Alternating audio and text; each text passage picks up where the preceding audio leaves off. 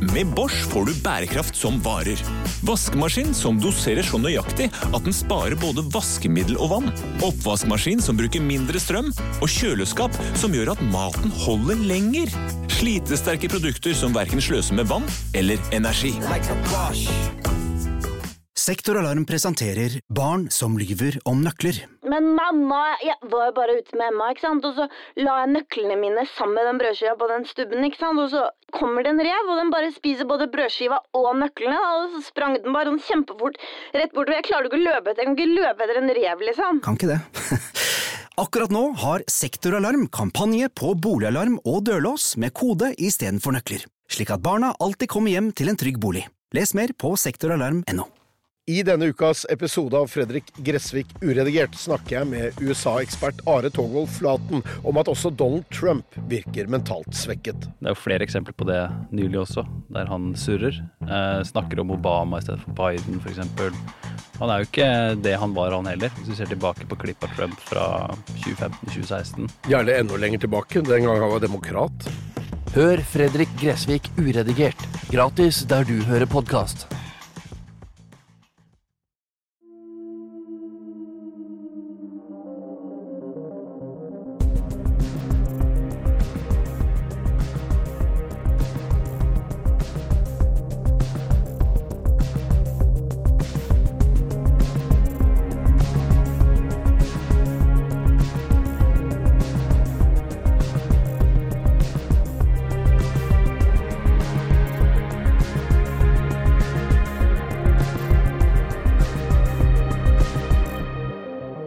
Velkommen til oss, Ida Edholm. Du er svindelekspert i Nordea. Altså du er ekspert på å svindle kunder, da, eller er det sånn?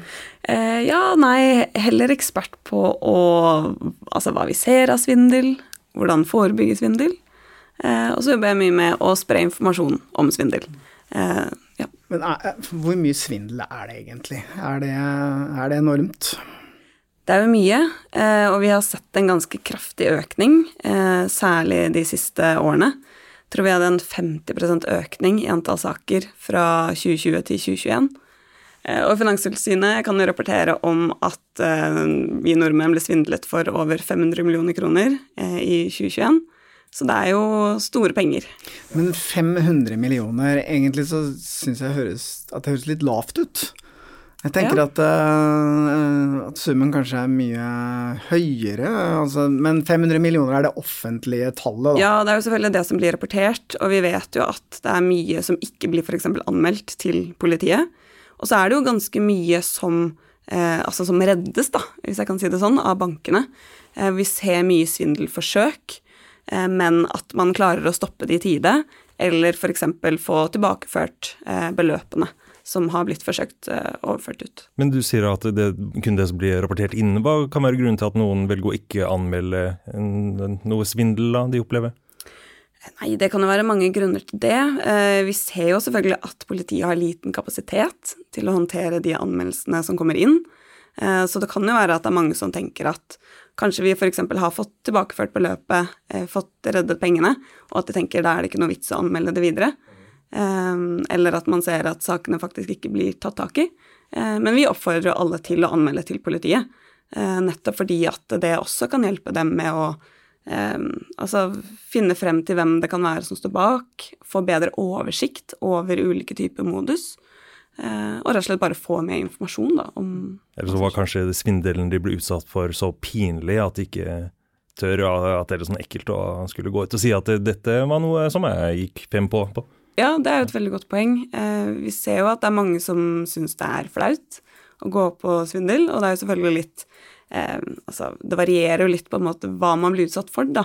Men noen av disse kanskje større investeringssvindlene, kjærlighetssvindlene, som foregår over på en måte lengre tid, eh, og hvor det på en måte kanskje ikke bare er penger du taper, men hvor du blir utsatt for en kjærlighetssvindel, og det på en måte er en sånn Altså et tillitsforhold da, som blir brutt så er det på en måte ekstra eh, ille for ofrene, selvfølgelig. Jeg ble for øvrig svindla her, det var i våres det. Jeg skulle kjøpe sånn, nei, halvannet år siden nå, jeg skulle kjøpe hundeseng, jeg hadde kjøpt meg hund. Og jeg fant en sånn nettbutikk eh, som annonserte med en veldig fin hundeseng, og betalte vel 700 kroner for den, tror jeg. Den senga kom aldri, altså. Den, fra Canada, var det ikke det? Fra Canada, ja. Så der ble jeg svindla og lurt. Og den nettbutikken var jo lagt ned etter en stund, så jeg. Ja. Eh, og vi har jo eh, vært borti en del svindlere gjennom åra, vi også. Men eh, hva er liksom ditt inntrykk av den typiske svindler? Hvem er det? Det er jo et stort spørsmål. Ehm, Det varierer jo litt. Vi ser jo at det er mye altså, organisert kriminalitet, ulike utenlandske aktører i forskjellige europeiske land og europe afrikanske land. Eh, Men så har vi også sett kanskje mer og mer enn nå i det siste at det er aktører som også befinner seg i Norge. Ehm, og det Vi har jo hatt noen saker som på en måte har vært kjent i media også, hvor det har vært liksom unge gutter eh, som lager ulike typer phishing-kampanjer fra gutterommet. Phishing-kampanje, hva er det? Eh, det vil si at de sender ut falske e-poster, SMS-er, eh, som utgjør seg for å være fra bank-ID eller fra en bank, skatteetaten osv. Og så masseutsender de disse henvendelsene, eh, hvor du blir bedt om å klikke på en link, og så leder den videre til en phishing-side, en side som de har laget selv, eh, som lurer deg til å oppgi informasjon som BankID-informasjon, kortinformasjon En link til en falsk uh, nettside. Ja, Ja. stemmer. Men det jeg lurer litt på, fordi at eh, jeg får jo stadig vekk sånne ting. Jeg fikk jo senest i går. Og min eh, umiddelbare reaksjon nesten i alle tilfellene er jo ha-ha-ha, hvor dum tror du jeg er? Ja. uh, er Nå skal ikke jeg sitte og rakke ned på folk som klikker på de linkene, men, men jeg føler jo at veldig mange av disse forsøkene er veldig sånn amatørmessig, da. Ja. Noen av de er jo det, eh, hvor det er kanskje mye skrivefeil, det er dårlig norsk, det er en veldig sånn lang link som du ser at denne fører ikke til den siden de sier at det er. Eh, men så ser vi også at det på en måte har blitt proffere og proffere. Eh, de bruker ulike teknikker for å få det til å se mer realistisk ut. Eh, de bruker det som vi kaller for spoofing, de kan det er Ja. ja, det er rett og slett at de bruker et program for å endre avsendernavn eller nummer. Så hvis du får en SMS eller en telefon, da, så ser det f.eks. ut som det er politiet som ringer deg, eller det ser ut som den SMS-en er sendt fra BankID. Eh, fordi de har gått inn og endret det. Og så ser vi at de bruker altså, bedre oversettelsesprogrammer, f.eks. Um, og så ser vi også at de liksom spiller på det som skjer rundt oss. Eh, det var sikkert en del som fikk i fjor jul, så fikk man en del av disse e-postene hvor det sto at du har en pakke på vei. Du må betale litt porto for å motta den pakken. Ja, det har jeg fått mye av. Ja. Og den sender de ofte ut når de vet at det er mange som sitter og handler på nett og har en pakke som de venter på. Eh, og det gjør det jo selvfølgelig også mer troverdig. Eh, og så har vi sett nå en SMS som på en måte har gått sin seiersgang nå det siste året, eh, som er sendt ut i Kredinor sitt navn, og nå fra kaller de seg Intrum, eh, hvor det da står at du har en utstående inkasso på ofte et veldig lavt beløp, altså det kan være sånn 30 kroner. Eh, og så er det kanskje mange da som tenker å ja, men jeg har jo, det er jo noe jeg har glemt å betale der. Og så bare tenker de at det er sikkert det. Og så klikker de, og så legger de inn kortinformasjonen sin. Ja, så forsvinner det ut mer enn 30 kroner, da. Ja, det gjør det ofte da. Jeg fikk, eh, det her er jo fra i dag, da. Jeg har fått eh, i min mailboks fra Hilde Hardemann. Eh, sikkert en trivelig dame. Eh, hun sier at eh, de har gjort en sånn eh, research i European Central Bank og funnet ut at the sum of 50 millioner eh, euro uh, has been awarded to US compensation after ca- careful reviewing of your incomplete transactions with different financial institutions around the globe. Ja, Ja. ok. Dette kommer altså hver eneste dag i min uh, mailboks. Ja, jeg får også mye enten av de, eller at jeg har vunnet en iPhone, eller Ja. at jeg har en pakke på vei, altså. Blir dere kontakta av folk som har gått på denne type svindel? Eh, altså, vi blir jo generelt kontaktet hvis de har overført noe penger, eller klikket på en lenke og gitt fra seg noe, altså banker, det er informasjon, kortinformasjon osv. For det betyr jo at vi må inn og f.eks. sperre bank-ID, sperre kortet, eh, gå inn og se på den transaksjonen, forsøke å kanskje stoppe den, eh, få den tilbakeført. Eh, så vi gjør jo ganske mange ulike tiltak da, på bakgrunn av enten om vi blir kontaktet av kunder, eller om det er ulike ting som vi finner ut av selv. Ja. eh, basert på de systemene vi har. For dere observerer hvis det kommer liksom merkelige transaksjoner på noens konto, f.eks., så går det en alarm da, og så Ja, altså vi har jo ulike systemer da, eh, for å plukke opp mistenkelig aktivitet. Eh, og jeg pleier liksom ikke å gå så veldig inn i akkurat det, for vi vil jo heller på en måte ikke Hemmelig, røpe helt hemmelig, hvordan, hvordan vi jobber. Som for å politiet, hemmelige metoder. Ja, ikke sant. Mm. Eh, men vi får jo eh, alarmer på ulike typer aktivitet, da, som vi reagerer på. Og så går vi da inn og gjør ytterligere undersøkelser for å se hva er det som har skjedd. Eh, kontakte kanskje kunden og høre. Har du fått en e-post, en SMS? Det er ikke så lenge siden faktisk at jeg fikk en telefon fra ja, Nordea, da. Som sa har du brukt uh, mastercardet ditt eh, på 700 kroner eller et eller annet? Eh, så sa jeg nei. Nei, fint, da sperrer vi det kortet og sender deg et nytt et. Så det, det funka jo i det tilfellet, da. Ja. Mm. Og det gjør vi også mye av. Eh, sperrer kort, sender ut nye kort osv. Men så er jo selvfølgelig utfordringen for oss også, det er jo når det er noen som ringer og utgir seg for å være oss. som Ja. er svindlere. Og det er vi også når vi har sett en del av nå det siste, særlig det siste året. Ja, det var jo denne eh, Vi husker den Olga-svindelen Ja. som gikk for eh, noen år siden. Kan du Mm. fortelle litt om hva var det for noe? Ja, altså Olga-svindel, det er jo egentlig at du blir oppringt eh, fra en svindler eh, som utgir seg da for å være banken eller politiet, Økokrim, er på en måte det vi har sett mest av. Eh, og det fikk i sin tid navnet Olga-svindel fordi de i starten gikk etter damer med litt eldre navn, som de der regnet med at var eldre damer. Eh, så det var derfor den ble kalt Olga-svindel. Mm, Så det var Gjertrud og Astrid og Ja. Inga og sånn. Ja. Og nå bare de siste ukene har vi sett at det er flere som eh, heter Haldis, som har blitt oppringt. Eh, men så har jo på en måte dette utviklet seg, da. Dette så man først for noen år siden, og så har det utviklet seg, så nå er det ringer de til nesten hvem som helst. Ikke bare eldre personer, men vi ser på en måte egentlig hele aldersspennet. Ok. Eh, og så ringer de da og utgir seg for å være ja, banken eller politiet, og så er det jo alltid et eller annet som har skjedd.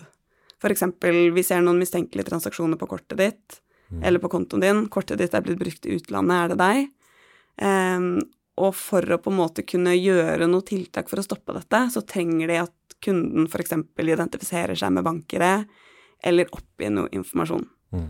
Og så er det da bare en måte på å liksom fiske ut den informasjonen fra kunden.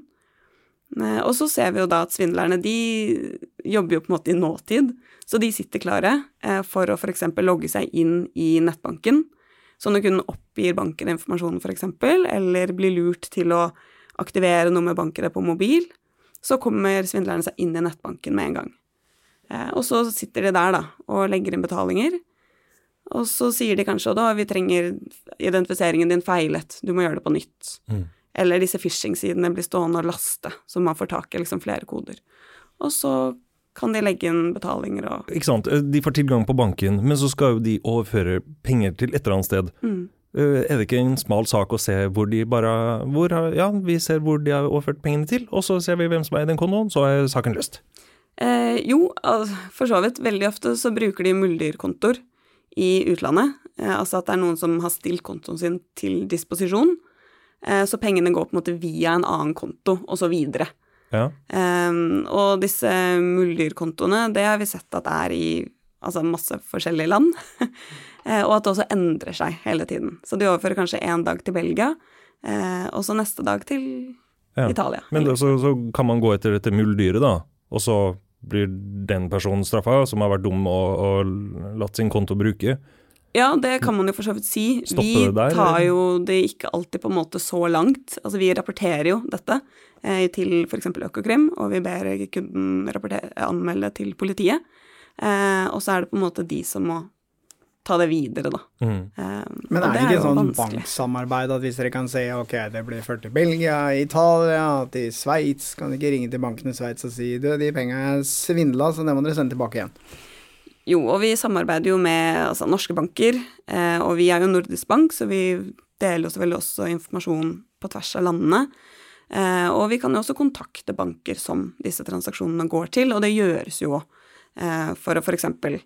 gjøre de oppmerksom da, på at man har en f.eks. mulderskonto hos seg. Men er det mye liksom, ressurser eh, som ligger bak i denne prosessen der, og er det noe sånn magisk sum eh, man må oppi for at man skal orke å ta denne telefonen og iverksette tilbakebetalinger? Hvis noen blir svindla for 20 000, er det noe som man orker å gå etter? Ja, altså vi gjør jo selvfølgelig de på en måte nødvendige tiltakene på alle sakene vi ser. Eh, og så har jo selvfølgelig vi også eh, mye å gjøre. mm. Så det må jo på en måte prioriteres. Eh, men vi gjør på en måte det vi kan eh, for å enten få stoppet pengene som har gått, og forsøke å få tilbakeført beløpet. Sperre bank i det, kort osv. Eh, nettbank for å måte forhindre ytterligere tap, da, f.eks. Her er en liten quiz om HMS. Å oh, nei, ikke HMS. Der er jeg helt grønn. Ja, men der har du jo svaret! Grønn jobb er bedriftshelsetjenesten tilpasset mindre bedrifter. Våre HMS-eksperter hjelper mer enn 8000 bedrifter over hele Norge med alt fra lovpålagte HMS-krav til pålegg fra Arbeidstilsynet. Få på plass bedriftshelsetjeneste på grønnjobb.no. Det jeg lurer litt på, er jo at det har kommet en del nye sånne betalingstjenester. Du har jo altså PayPal har jo vært der lenge. Mm. Du har Apple Pay. Uh, jeg hørte en historie her, jeg skal ikke nevne navn eller bank eller noen verdens ting, men, uh, men en PayPal-konto som var knytta opp til et uh, debetkort i banken, og får en mail med en link hvor det står at 'jeg skylder deg penger', bare klikk på denne linken. Og så er det ett klikk på den linken, og så forsvant det 50 000 ut av eh, vedkommendes konto. Er det virkelig så enkelt? Er det ikke lagt inn noen sikkerhetsmekanismer som sier f.eks.: Vil du virkelig betale 50 000 kroner? Jeg, ble litt ja. sjokkert da jeg hørte det. Eh, det virka så utrolig lett, da. Altså Umiddelbart så tenker jeg at det ikke er så enkelt. Eh, og at det kanskje har skjedd noe videre når man har klikket på den linken. At man f.eks. har bedt om å eh, legge inn kortinformasjonen sin, bekrefte med banken Ja, kortinformasjonen var lagt inn. Ja, okay. Fordi kortet var jo knytta opp mot PayPal-kontoen. Ja, og da vil jeg jo tro at du må igjen på en måte autentisere det med bank-ID. Det eh, trodde jeg òg, men ja. i dette tilfellet nei. 50 000 kroner gikk rett ut. Ja, det høres jo veldig rart ut, det er jeg helt enig i. Men det vi på en måte ser aller mest, da, det er jo det at man blir eh, lurt til å f.eks. bekrefte en betaling, da du tror at du liksom identifiserer deg med banker osv., men så det du i realiteten gjør, er jo å da hjelpe svindleren til å komme seg inn i nettbanken, bekrefte en betaling osv. Det er liksom det vi ser, eh, ser mest, da. Mm. Så Men nå kjenner jeg ikke liksom detaljene i det eksempelet, men jeg, det høres litt rart ut at man bare kan klikke på en link, og så er pengene borte. Mm. Uh, ja. Det skal jeg formidle videre. Ja. Sånn skal det ikke være. vi går mot julen, jul nå. Vi hadde jo uh, Espen Lie på uh, besøk i en episode, og han sa i hvert fall at rundt juletider så tar det seg opp, i hvert fall på hans side i, i disse Han jobber jo med svindelsaker, han òg. Opplevde dere det samme? ja, vi ser jo spesielt mye av denne phishingen. det gjorde i hvert fall i, i fjor jul. og da særlig med disse e-postene fra Posten eh, som sa at du har en pakke på vei, osv. Ja, julegaver som var på avveie? Ja, vi ser jo generelt eh, en økning i liksom phishing-saker ofte før jul. Eh, og da gjerne dette med at du får en e-post eller SMS fra Posten, du har en pakke på vei, mm. eh, osv. Men også gjerne generelt liksom før ferier, eller i forbindelse med ferier. Det kan både være jul, påske, sommer osv. Så, videre. eh, så ser vi at de liksom øker litt denne svindelaktiviteten. Fordi folk tenker kanskje på andre ting, er litt i feriemodus osv. Og, og særlig mot bedriftskunder. Mm. Eh, er det noe vi kan se da, og som man på en måte bør være ekstra oppmerksom på, da. Det som jeg har skjønt har vært litt sånn populært, og har fått noe av det sjøl også, eh, er jo dette her med å prøve å uh, utpressing på folk, da sende f.eks. en eller annen om at uh, vi har noe video av deg, eller uh, du har vært inne på noen side eller et eller annet, så skal de presse deg for penger. Er det, er det mye av det? Uh, nei, det er ikke noe vi ser mye av. Men jeg har også hørt de eksemplene hvor du f.eks. får en e-post med at å, du har vært og sett på noe på nett. du må betale litt bitcoins, f.eks. For, for at vi ikke skal spre den videoen videre. men det det kan jeg ikke si er noe vi har sett eh, veldig mye. Sikkert for at det melder folk ikke inn. ja, det kan hende. Og igjen så er det litt med det der at hvis det på en måte stemmer, da, kanskje du har vært inne og sett på noe, eller eh, gjort et eller annet som på en måte sitter og venter på en pakke, da, så dette på en måte passer til deg, mm. så er det jo selvfølgelig lettere at du går på det. Eh, for de bruker denne liksom sosiale manipulasjonen, sosial manipuleringen, eh, når de lurer oss. De på en måte spiller på ulike typer virkemidler, da. Som vi pleier å si at det er liksom ofte frykt, det kan være hastverk, kjærlighet, økonomi, økonomiske muligheter, eh, som på en måte gjør at vi eh, kanskje gjør noe som vi ikke vanligvis ville gjort, da. Skam. Ja, Mm. ikke sant. Men jeg har sett på en del sånne amerikanske filmer at uh, i hvert fall i filmverdenen så er det veldig populært å finne noen som er veldig god på sånne ting, og så få dem over på the good side, og så, for de kan alt om disse tingene, og de kan være en ressurs, da. Uh, for eksempel i banken. Går dere ut og så rekrutterer uh, samme type mennesker til å hjelpe dere med å bekjempe svindel? Eh, nei, det har vi vel ikke gjort uh, foreløpig, i hvert fall. Leonardo DiCaprio i 'Catch Me If You Can', har du sett den filmen? Ja, den har jeg Ja, sett. Veldig bra. Mm. Der har ikke noen sånne karakterer. Nei, vi, kanskje vi burde det. Tiden har jo endra seg litt òg, for den skal vel være fra 60-tallet. Jo, men likevel der. så veldig mange av de som driver med dette, er jo folk med høy kompetanse innen øh, å hacke og, og sette opp disse sidene, og de har liksom en kriminell tankegang, da. Mm. Det er jo ikke så lett for mennesker som ikke har den kriminelle tankegangen, å skjønne hvordan disse menneskene jobber. Så Nei, kanskje det kunne være lurt å Ja, få, det- noen, få inn noen av disse på andre Godt tips, det. og det er jo også en utfordring, selvfølgelig, da, å liksom ligge i forkant. Ikke sant? Vi ligger jo nesten hele tiden litt sånn etter. Eh, hvis vi gjør en Hvis vi på en måte gjør det vanskeligere for svindlerne, da, så finner de noen måter å omgå det på. Eh, så det er jo kanskje det vi må prøve å tenke litt. Hva, hva kan være neste trekk fra deres side? Eh, ja. Jeg tviler på at dere i Nordea kan kompensere for den tapte inntekten som disse svindlerne ville fått hvis de bare hadde fortsatt som svindlere, er istedenfor å begynne å jobbe på, for Nordea. Ja. for vi laget jo en podkastserie som vi kalte for Honningfella, og der var det jo en, eh, flere som eh, gikk eh, rett på i den Altså, de var på Tinder. Uh, Hooka opp med noen eh, veldig søte unge jenter, og etter hvert så uh, fikk de liksom uh, investeringsråd og ble sendt litt videre, og, og tapte jo uh, til sammen mange millioner kroner, disse gutta, da. Og når du sier hooka opp, så betyr ikke det fysisk. Det var, de kunne kommuniserte på, Ja. på WhatsApp og, og Tinder. Ja. Ja, da Ser du vi- mye av det? Eh, vi hadde ja, i hvert fall ett eksempel hvor det var en eh, fyr også som ble da kontaktet Jeg tror han møtte en dame på altså en sjekkeside, da. Mm. Eh, og så De snakket en del, og så fortalte hun at faren hennes eh, drev med kryptoinvesteringer i Hongkong. Det er en klassiker. Ja, ja. ja. Eh, og så Og så etter hvert så var han sånn Ja, og det er jeg litt interessert i. Kan du gi meg noen tips? Og hun viste han liksom hvilke sider, hvor han kunne investere, og så ble det til slutt en investeringssvindel, da. Men som på en måte begynte egentlig litt mer som en kjærlighetssvindel. Ja, akkurat som i Honningfella. Altså. Ja. Ja. Vi her på huset, Helge, du eh, elsker jo å tulle med svindlere. Altså, eh, vi bruker så mye tid på å late som vi er med på spillet. Og i denne Honningfella også, så hadde vi en lang passiar med en dame i eh, Japan, var det ikke det? Ja. Hvor eh, det gikk så langt at jeg klarte å overbevise henne om at jeg satt på flyet ned dit for å treffe henne. Hun fikk helt panikk. Vi, vi trykka opp vi, jeg, satt, og photoshoppa i real time eh, flybilletter med Stein Morten Lier første klasse på vei nedover. Og, eh, Vi da, hadde bilder fra en førsteklasseflyvning hvor jeg sendte hvor jeg satt på første klasse. Og jeg hadde booka restaurant på hotellet. Wow, det er next level. Og, men, det, men eh, det som er morsomt med det, og det, det er jo ofte sett med disse svindlerne, er at eh, hvis du eh, drar det veldig langt og lurer dem, mm. så, så har de en veldig sånn Når de blir avslørt, så beskylder de deg for å være den som eh, er svindleren. Altså, de er veldig flinke til å snu Ja. dette her 180 grader og begynne å, å beskylde deg for å være en kjeltring. Og det skjedde jo dette Ja. tilfellet her også. og det stemte jo òg. Ja, det stemte her, da, men, men Men det er jo sånn typisk modus som jeg har eh, liksom lagt merke til i flere og flere sånne svindeltilfeller, er at de er veldig gode på å på som sagt snu det 180 grader, da. Og, og gå til angrep på deg. Mm. Hva er din erfaring med akkurat det?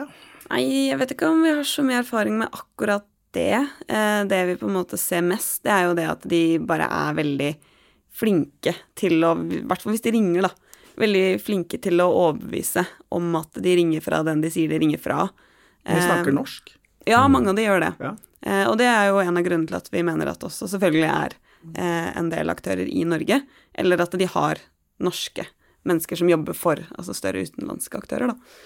Eh, men hvor de ofte vet veldig godt eh, altså hvordan man kanskje ringer og snakker hvis man ringer fra banken. Ja. Ikke sant? De vet litt hva de sier, litt sånn begrepet man bruker, hva man spør om, osv. Så videre. Mm. Sånn at det virker veldig, veldig troverdig. Um, så det er kanskje det vi ser aller mest, da. Um, men jeg, hadde, jeg ble også oppringt av um, en som ringte fra Microsoft, i denne liksom klassiske Microsoft-svindelen. Uh, det var en dame. Og hun hun var nesten litt sånn aggressiv, jeg, for jeg også liksom latet som jeg gikk på dette her, da. Um, og så sa jeg sånn Ja, nå logger jeg meg inn på PC-en min, og, og da var hun sånn Ja, nå må du følge med. Det er viktig at du liksom gjør det jeg sier. litt streng, og, altså. Ja, hun var veldig streng. Ja, Um, så, så sånn sett, kanskje. Men uh, de fleste tilfellene ser vi bare at de er veldig på en måte overtalende, troverdige. Men bare for å få det ut av verden, vil banken noen gang ringe og si hei, jeg ringer fra Nordea og vil gjerne at du skal opp i eh, bank-ID og absolutt alle sånne opplysninger som skal til for å logge seg inn i nettbanken? Nei, og det er jo det som på en måte skiller oss da, fra de svindelforsøkene. Eh, men sant, sånn, i det tilfellet som du fortalte, så ringer vi jo kanskje og sier at kortet ditt er blitt brukt i et annet land. Mm. Og det er også når vi har sett at svindlerne har brukt. De ringer og sier at de ringer fra Nordea, og vi ser at kortet ditt er misbrukt i utlandet. Eh, vi kan sperre det, men du må bare identifisere deg med bank-ID-en din. Men det er på en måte det ene lille der, da. Nei, det vil jo ikke vi spørre om. Nei, den Ja. til slutt, da, at du må identifisere deg. Ja, ikke okay. sant. For vi har jo tilgang til de systemene vi trenger for å f.eks. sperre kortet ditt, nettbanken din osv. Men dere, du skal jo ut med en podkast. Ja, Nok stemmer. en konkurrent, Helge. Vet ikke om jeg liker dette her, skal jeg være helt ærlig, men eh, ok, vi må leve med det. Ja. Eh, Svindelpodden. Mm. Mm. Det, hva er liksom Hvorfor lager Nordea en podkast?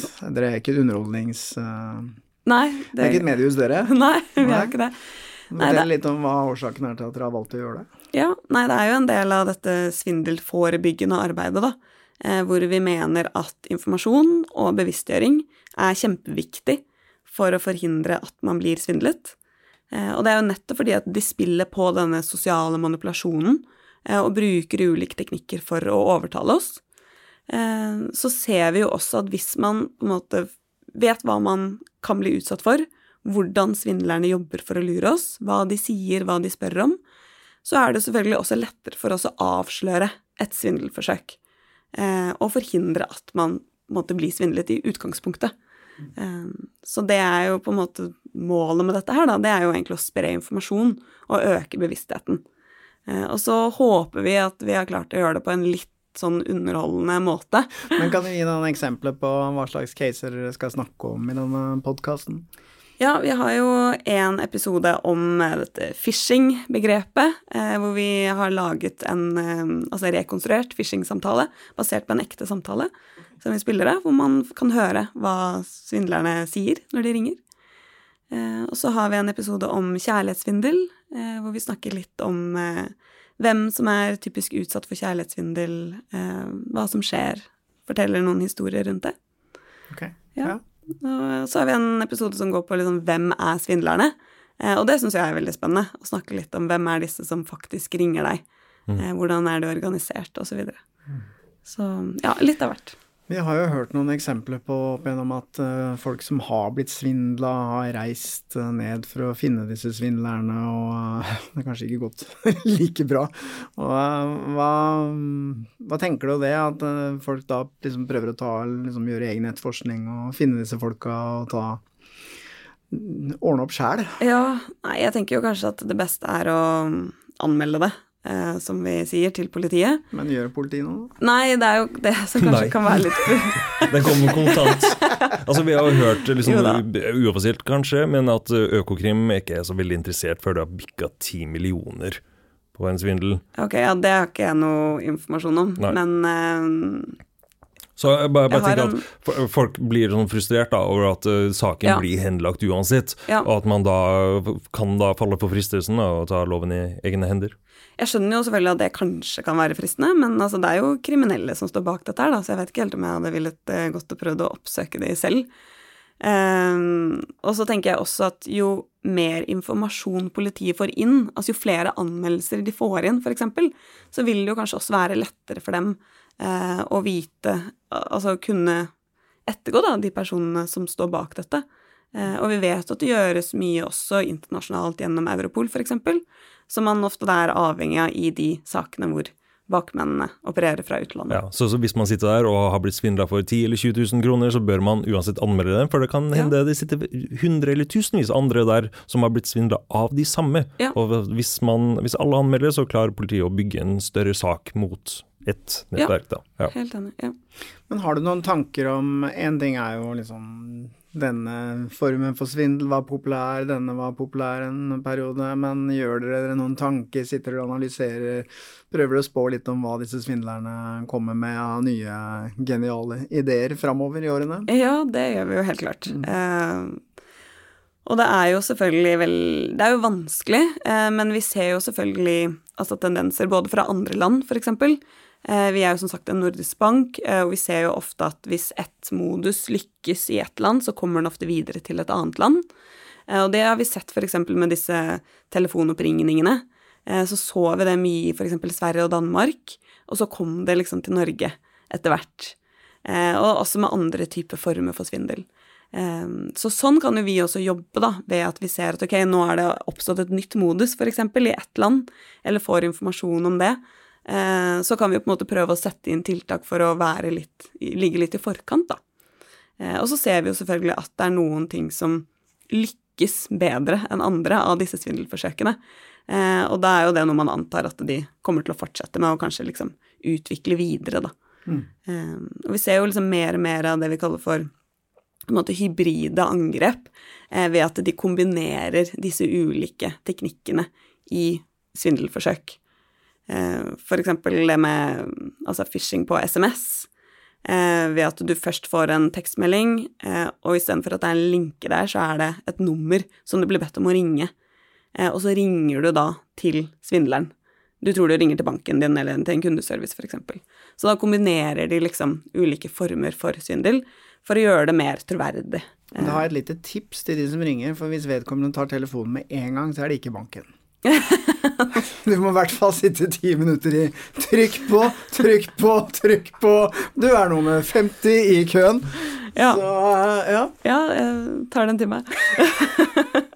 ja, men vi har f.eks. sett at de har tatt denne Altså Hvis du ringer inn da, til kundeservice, så får du en sånn automatisk eh, person, eller en svarer. Mm. Og den har vi også sett at de har brukt. Ja, de har klart å stjele da. Ja, okay. når folk ringer inn. Så det, er, det, blir på en måte bare mer og mer komplekst og mer og mer troverdig dette med stjålet identitet har jo vært uh, oppe veldig mye i mediene. At de er ganske flinke til å, å ja, stjele noens identitet, og så ta på masse lån i vedkommendes navn. Hvilke råd har du å gi til uh, folk som opplever det, og hvordan skal man liksom uh, unngå å bli utsatt for sånne ting?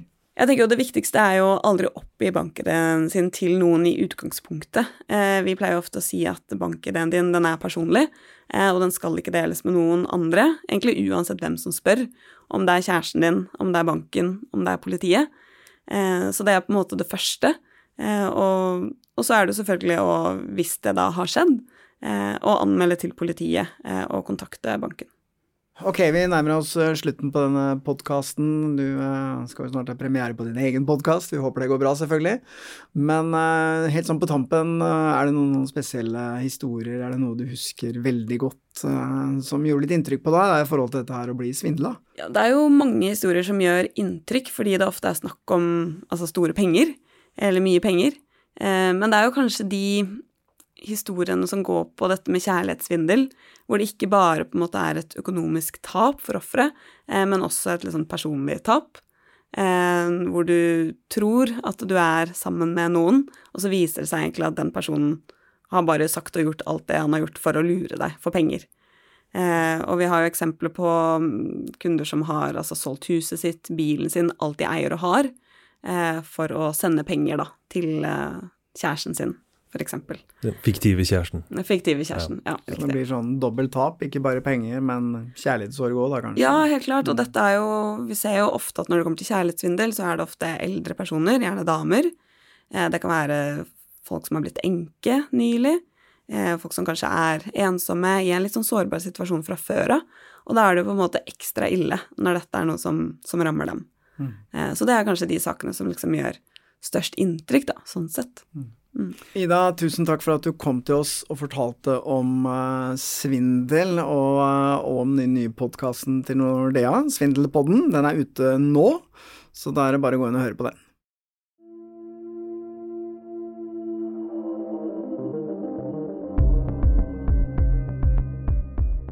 Avhørt er produsert av Batong Media. Redaksjonen vår består av Stein Morten Lier, Helge Molvær og Lars Christian Nygårdstrand. Temamusikken vår er laget av Altered States, og hvis du vil høre eksklusive episoder av Avhørt, gå inn på podmy.no eller last ned Podmy-appen. Du finner oss på Facebook som Batong Media, eller på Instagram som Avhørt podkast.